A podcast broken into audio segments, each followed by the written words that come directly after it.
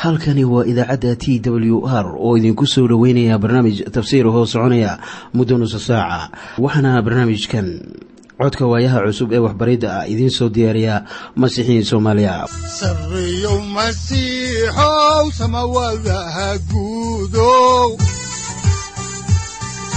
Siraadkii adduunkow subanaha eebow sareyow masiixow samawadaha guudow siraadkii adduunkow subanaha eebow ku soo dhowaada dhegaystayaal barnaamijkeenna dhammaantiinba waxaan horay u sii ambaqaadi doonnaa daraasaadkii la magac baxay baibalka dhammaantii. Waxaannu caawa idiin sii wadi doonnaa barashada kitaabkii koowaad ee samuel wuxuuna kitaabkani ka hadlayaa isbeddel weyn oo ku imaanayay qaabka xukuumadda reer banu israa'iil. Wuxuuna kaloo ka hadlayaa wixii keenay in reer banu israa'iil ay boqor samaystaan iyo qaabkii ay ku timid. Waxaanan caawa idiin sii wadi doonnaa cutubka labaatanaad ilaa iyo kan kow iyo labaatanaad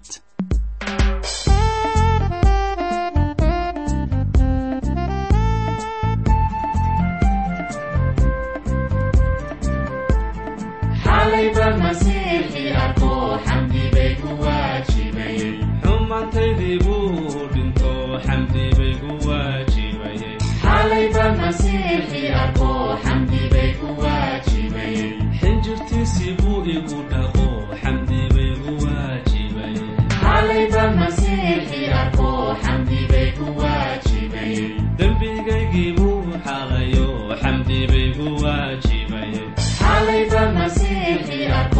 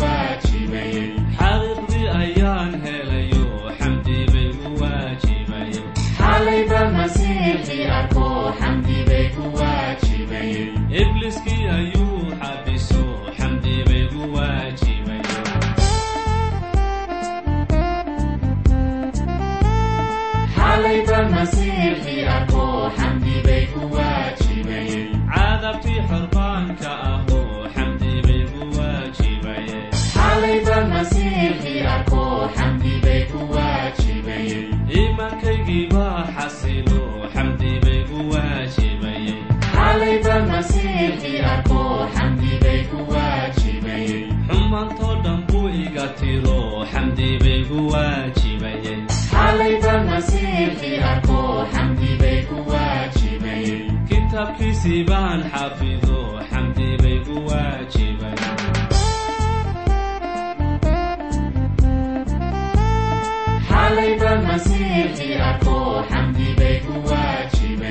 Xalaquda qaanahayo xamdi bay gu waajibay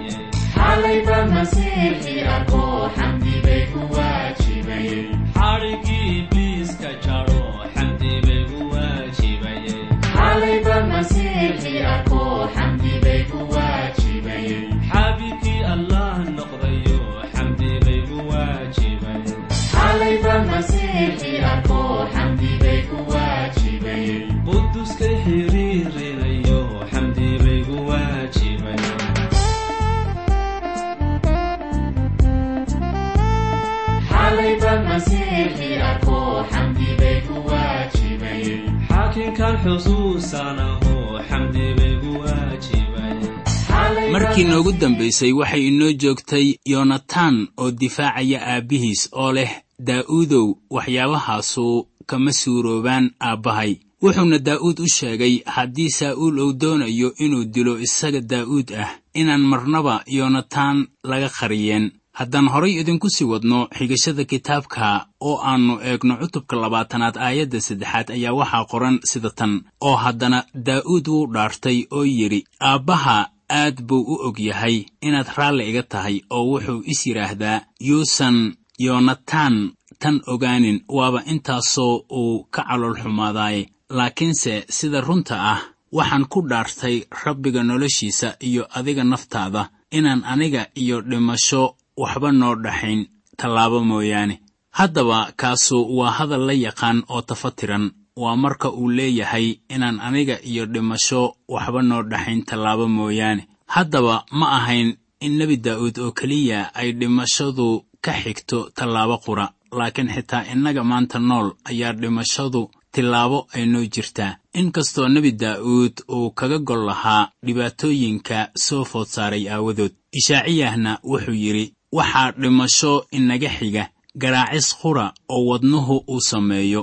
Waxaana taasi loo fasiran karaa in dhimashadu ay imaan karto wakhti kasta. Taasina waa sababta aynu ugu diyaargaroobayno daqiiqad waliba inaan soo gaarno maalmaha aan dhammaanaynin ee aynu ilaah hor istaagi doonno.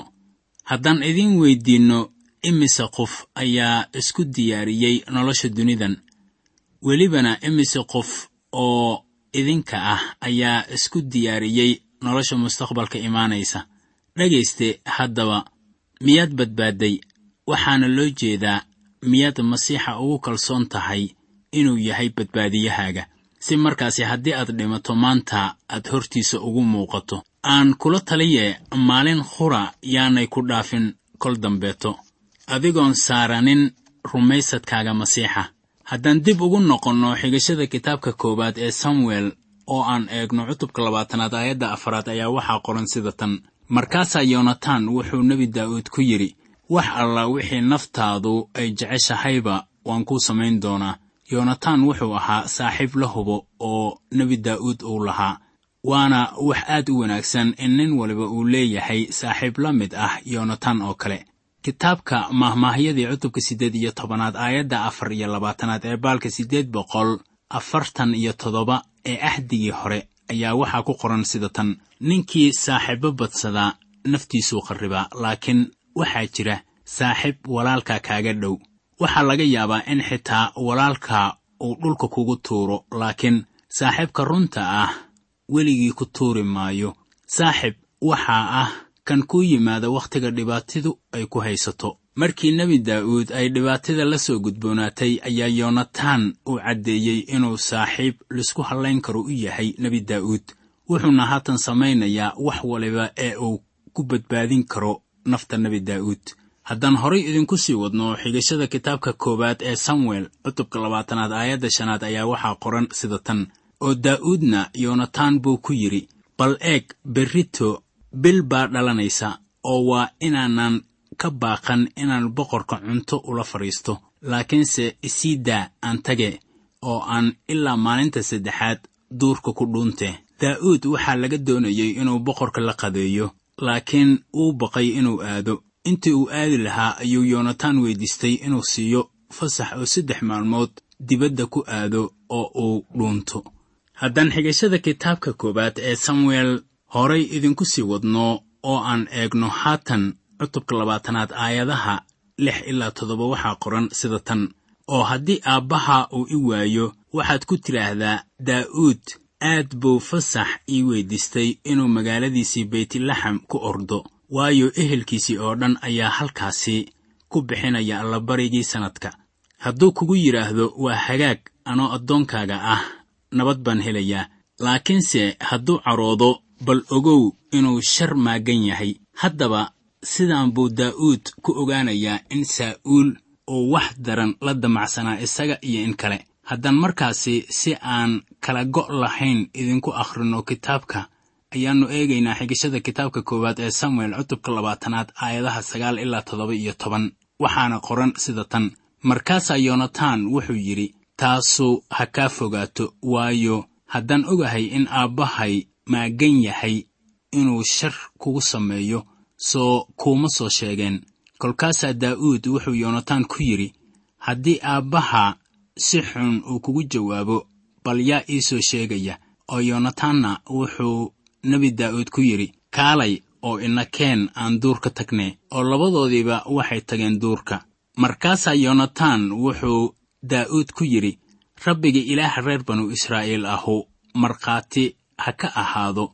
Berrito ama saa dambe haddaasoo kuu soo ciddiri maayo oo daaha kaaga qaadi maayo wuxuu maaggan yahay oo dhan. Hadday aabbahay ka farxin lahayd inuu shar kugu sameeyo oo aanan daaha kaaga qaadin oo aanan weliba ku dirin si aad nabdoonaan ugu tegtid rabbigu saas iyo ka sii daran ha igu sameeyo.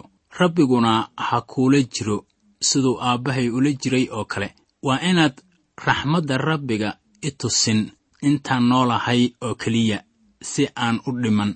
Laakiinse raxmaddaada waa inaanad ka fogeyn reerkayga weliga oo xataa ma aha markii rabbiga cadaawayaashaada uu ka dhammeeyo dhulka. Sidaasuu yoonataan axdi ula dhigtay reerkii daa'uud uu yidhi taas wuxuu rabbigu ka doonayaa cadaawayaasha daa'uud gacantooda oo yoonataan mar kaloo daa'uud dhaariyey. Jacaylkii uu u qabay aawadiis waayo wuxuu isaga u jeclaa siduu naftiisa u jeclaa oo kale. Yoonataan wuxuu gartay in nebi daa'uud uu ahaa seedigii oo ay xidid ahaayeen oo welibana uu boqortooyada ka qaadi doono aabbihiis wuxuu markaasi ka codsaday daa'uud markii uu qabsado boqortooyada inaan la iloobin xidhiirka yoonataan iyo boqor daa'uud ka dhexeeya haddaba qorshe ballaaran ayaa la sameeyey si labadan saaxiibada ah ay iskula xidhiidhaan waxaa haddaba la eegayaa yoonataan si loo hubiyo inuu nebi daa'uud ku xidhan yahay iyo in kale. Markaana waa inay taxaddar muujiyaan. Yoonataan wuxuu daa'uud kula xidhiidhayaa qaansadiisa iyo gamuunkiisa markaana wax shaki ah lagama qaadayo haddii uu gamuunno tuuro waayo waxaa lagu yaqaan inuu ahaa dagaalyahan. Nebi daa'uud wuxuu isku qarinayaa duurka yoonataanna wuxuu imaanayaa duurka. Markaasuu soo tuurayaa gamuunka haddii gamuunkaasi uu ka shisho mariyo waxaa taasu ay ka micno tahay in nebi daa'uud wax xun lala damacsanaa. Waxaanay ahayd inuu cararo. Haddii gamuunka lagu soo dhoweeyo nebi daa'uud ayaa taasu ay ka micno noqonaysaa inuu nabdoonaan helayo haddii uu ku noqdo aqalkii boqorka. Maalintii saddexaad ayaa yoonataan u aaday duurka isagoo wata qaansadiisii markaana si uu ku ogaan karo saa'uul ma lahan qorshahan isgaarsiinta ah ee nebi daa'uud lagula xidhiirayo haddaba hadalladii saa'uul ma ahayn ama ma noqon kuwo raallinimo iyo nabdoonaan u haya nebi daa'uud saa'uulna wuu caddeeyey inuu doonayey inuu dilo nebi daa'uud markaasaa yoonataan qaansadii uu ganay. Gamuunkiina wuxuu ku dhacay meel daa'uud ka shishaysa baaquna wuxuu ahaa warbaxso yaadan dhimanine. Yoonataanna wuxuu u diray addoonkiisii inuu gamuunka la ganay soo qabto. Dabeetana uu geeyo qaansada iyo gamuunkaba magaalada. Markii wiilkii addoonka ahaa uu tegey ayaa yoonataan iyo daa'uudba ay kulmeen oo ay wada hadleen haddaan horay idinku sii wadno xigashada kitaabka oo aan eegno kitaabkii koowaad ee samuel cutubka labaatanaad aayadda laba iyo afartanaad waxaa qoran sida tan.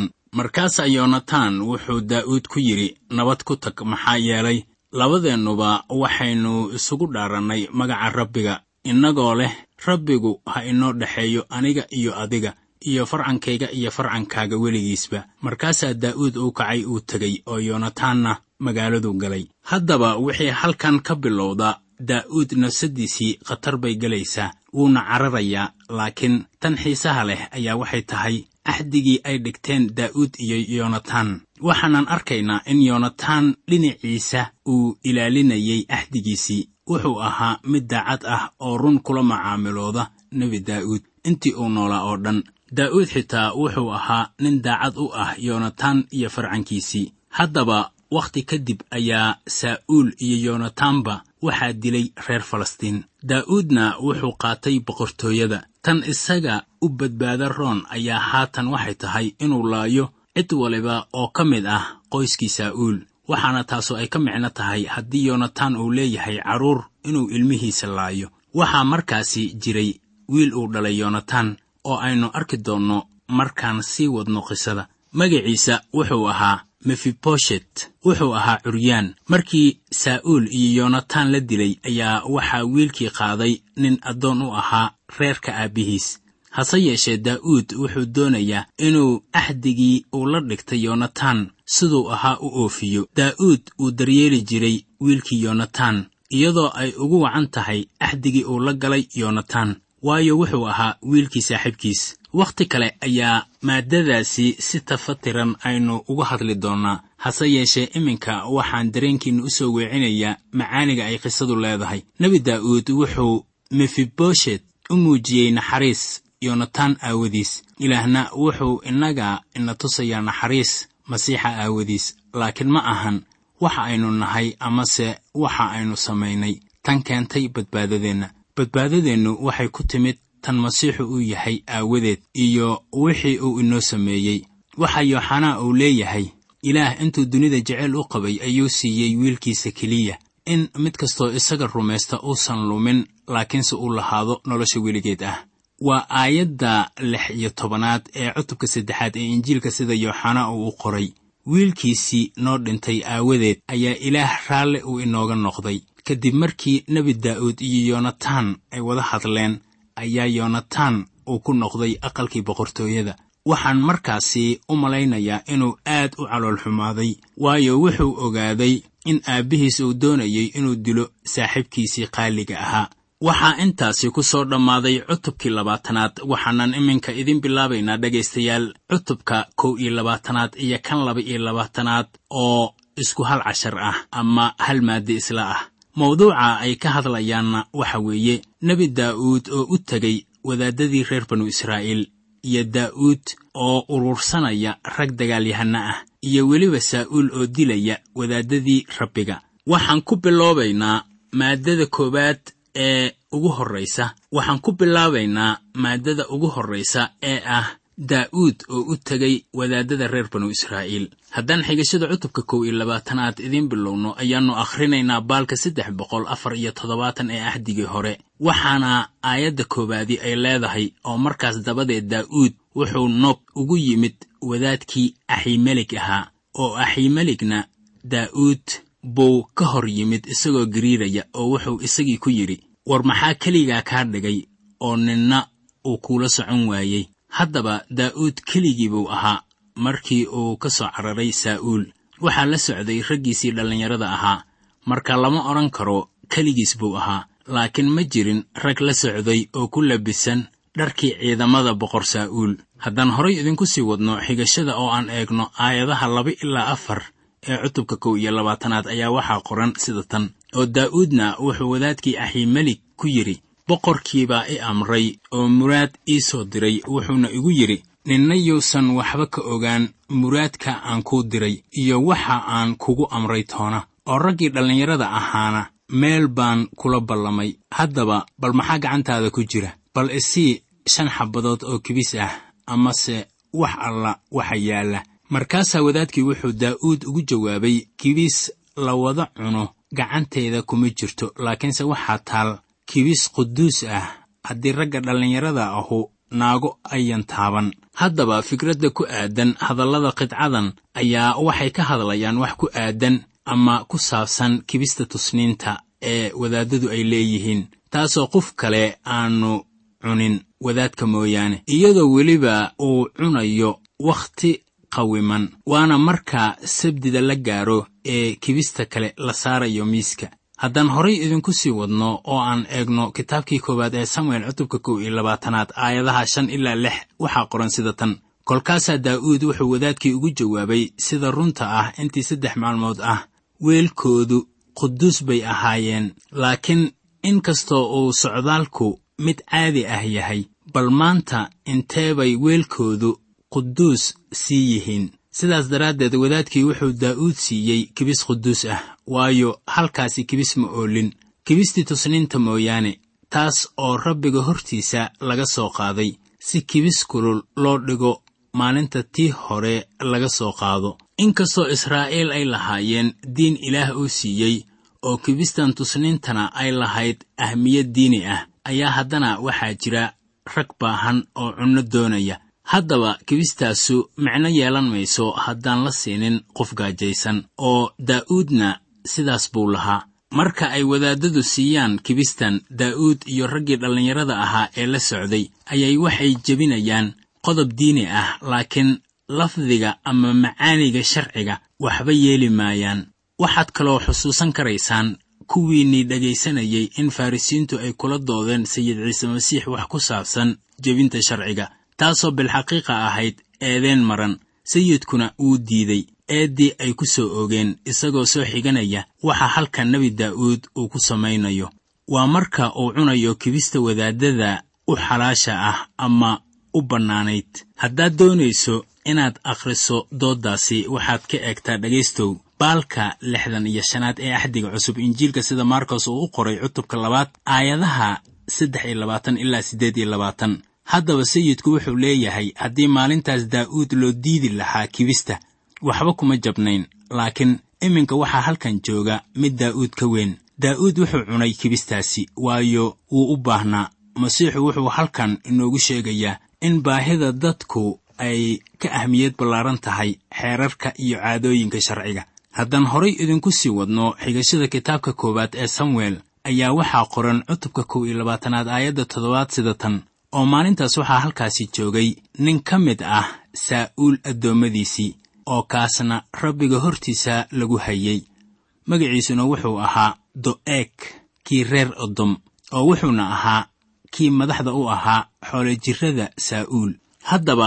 waxaa xerada ku jira nin lagu masaali karo yudas iskariyot oo wuxuu joogay rugta taambuugga axdiga. Magaciisana waxaa la odhan jiray do'eeg oo wuxuu ahaa reer odom wuxuu howl u hayay boqor saa'uul wuxuuna doonayaa inuu gacan geliyo daa'uud iyo wadaadka sare. Daa'uud wuxuu ninkan uga hadlay zabuurka laba iyo kontonaad. Markaasoo uu lahaa haddaan idin yaro taabanno ninka xoogga badanow bal maxaad xumaanta ugu faanaysaa hase yeeshee iminka waxaan weli bartamaha kaga jirnaa kitaabkii koowaad ee samuel. Waxaanan eegaynaa cutubka kow iyo labaatanaad aayadda siddeedaad. Waxaa qoran sida tan. Markaasaa daa'uud wuxuu axiimeli ku yidhi waxba miyaanad haynin waran amase seef. Waayo sooma aan qaadan seeftaydii iyo hubkaygii toona. Maxaa yeelay waxaa isoo dedejiyey muraadkii boqorku uu ii soo diray iminka waxaan jeclaan lahaa inaan dareenkiinna u soo weeciyo sida aan hagaagsanayn ee loo soo xigtay aayadda siddeedaad u dambaynteeda.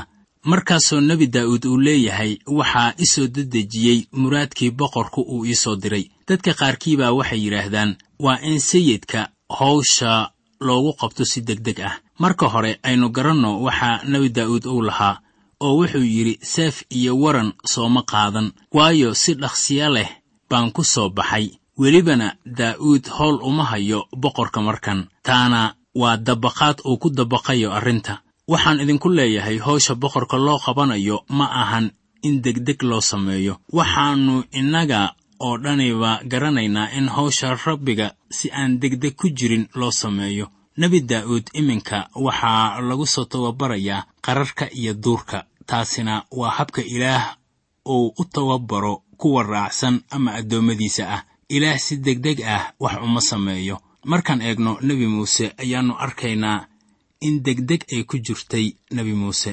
Laakiin wuxuu doonayey inuu reer banu israa'iil ka samata bixiyo addoonsiga afartan sannadood ka hor intaan ilaah goosan. Waa markii uu masriga dilayay.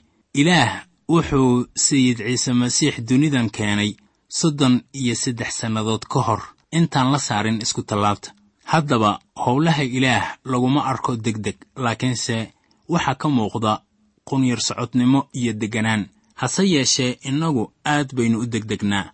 Waase inaan ilaah wax ka barannaa oo aynan degdegin. Daa'uudna wuxuu u baahnaa inuu ilaah wax ka barto. Ilaah wuxuu si tartiib ah oo qunyar socod ah ama qunyar socodnimo ka muuqdo uu u tababarayaa addoommadiisa. Wuxuuna baraa samirka nin waliba ee uu isticmaalayo. Ilaah wuu shaqeeyaa isagoo si aan xowli ka muuqanin wax u samaynaya. Haddii aad doonayso inaad aragto sida ilaah howlihiisa uu u sameeyo waxaad eegtaa inta ay qaadanayso marka macdanta loo yaqaano dhaymanka ay aasaasmayso ama geedaha waaweyn inta sannadood ee ay ku baxayaan. Markaana howlaha ilaah uma baahna degdeg welibana howlaha masiixa ayaan la doonaynin in degdeg lagu sameeyo. Haddaan horay idinku sii wadno xigashada kitaabka oo aan eegno cutubka kow iyo labaatanaad aayadda sagaalaad ayaa waxaa qoran sida tan. Oo wadaadkiina wuxuu yidhi bal eeg waxaa halkan ee foodka dabadiis taal iyadoo maro ku duuduuban seeftii goliyath kii reer falastiin oo aad dooxada eelaah ku dishay. Oo haddaad doonaysid inaad taasi qaadatid iska qaado. Maxaa yeelay taas mooyaane mid kale halkan ma taal. Markaasaa nebi daa'uud wuxuu yidhi taasoo kaleba ma jirto ee bal isoo sii. Waa wax xiise leh in daa'uud uu isticmaali jiray waraf markii uu yaraa laakiin haatan wuxuu wakhti badan joogay aqalka boqorka oo waxaaba laga yaabaa inuu ilaabay warafka tuuristiisa. Iminka wuxuu u baahan yahay seef wuxuuna isticmaalayaa seeftii goliyath. Waayo taasoo keliya ayaa taalla macbudka ama taambuugga shirka haddaan horay idinku sii wadno xigashada oo aan eegno kitaabkii koowaad ee samuel cutubka kow iyo labaatanaad aayadda tobanaad waxaa qoran sida tan. Markaasaa daa'uud uu kacay oo maalintaas wuxuu u cararay cabsi uu saa'uulka qabo aawadeed oo wuxuu u tegey aakiish oo boqorkii gaad ahaa. Daa'uud wuxuu ka baxsaday saa'uul intii uu kari karay oo wuxuu galay aakiish. Markii uu soo dhex galay quruumahan shisheeye ayuu gartay inuu halis u soo dhowaaday waxay ahaayeen cadowgii israa'iil markaana daa'uud waa inuu iska dhigo sida nin waalan si aan innaba loo garan. Markii uu waddankan soo galay ayaa waxaa dhacday in dadkii waddanka ay garteen in kani uu yahay daa'uudkii dagaalyahanka ahaa. Markaasaa inta la soo qabtay loo keenay boqorkii aakiish haddaan horay idinku sii wadno xigashada kitaabka oo aan eegno aayadda shan iyo tobanaad ee cutubka kow iyo labaatanaad ayaa waxaa qoran sida tan. War ma waxaan u baahanahay niman waalan oo ma taas aawadeed baad ninkan u keenteen inuu hortayda isku waalo. War ma ninkan oo kalea gurigayga soo gala. Haddaba falkaas daa'uud uu sameeyey wuu wanaagsanaa. Waayo boqorkii aakiish baa rumaystay in nebi daa'uud hubaal ahaan uu yahay nin waalan sarreeyo masiixow samawadaha guudow siraadkii adduunkow subanaha eebow adigoo samada jiro ifkan soo saldhiganba adigoo samada jiro ifkan soo saldhiganba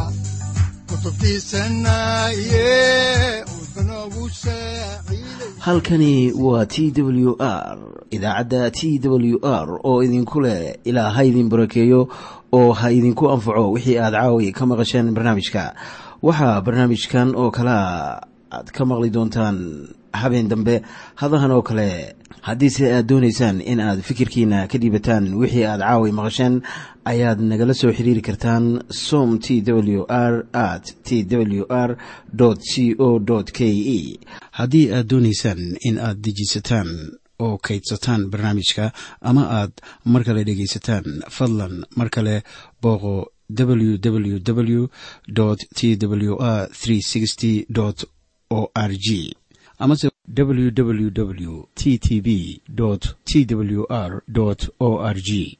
Amase waxaad teleefoonkaaga ku kaydsataa ama ku download garaysataa agabyada ku sahli karaa dhegeysiga t w r haddii aad doonayso in laga kaalmeeyo dhinacyada fahamka kitaabka amase aad u baahan tahay duco fadlan fariimahaaga soo mari bogga aaraahda ama kommentska inana jawaab degdeg ah ayaanu ku soo diri doonaa amase ku siin doonaaye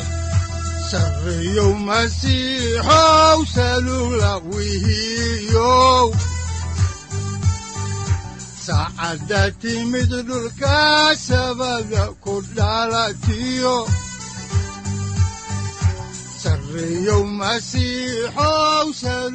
halkani waa t w r oo idiin rajaynaya habeen baraare iyo barwaaqaba leh inta aynu ka gaari doono wakhti aynu ku kulanno barnaamij la mida kan caawayay aad maqasheen. Waxa aan idinku leeyahay nabadda ciise masiix ha idinku badato xagga jidhka iyo ruuxaba. Aamiin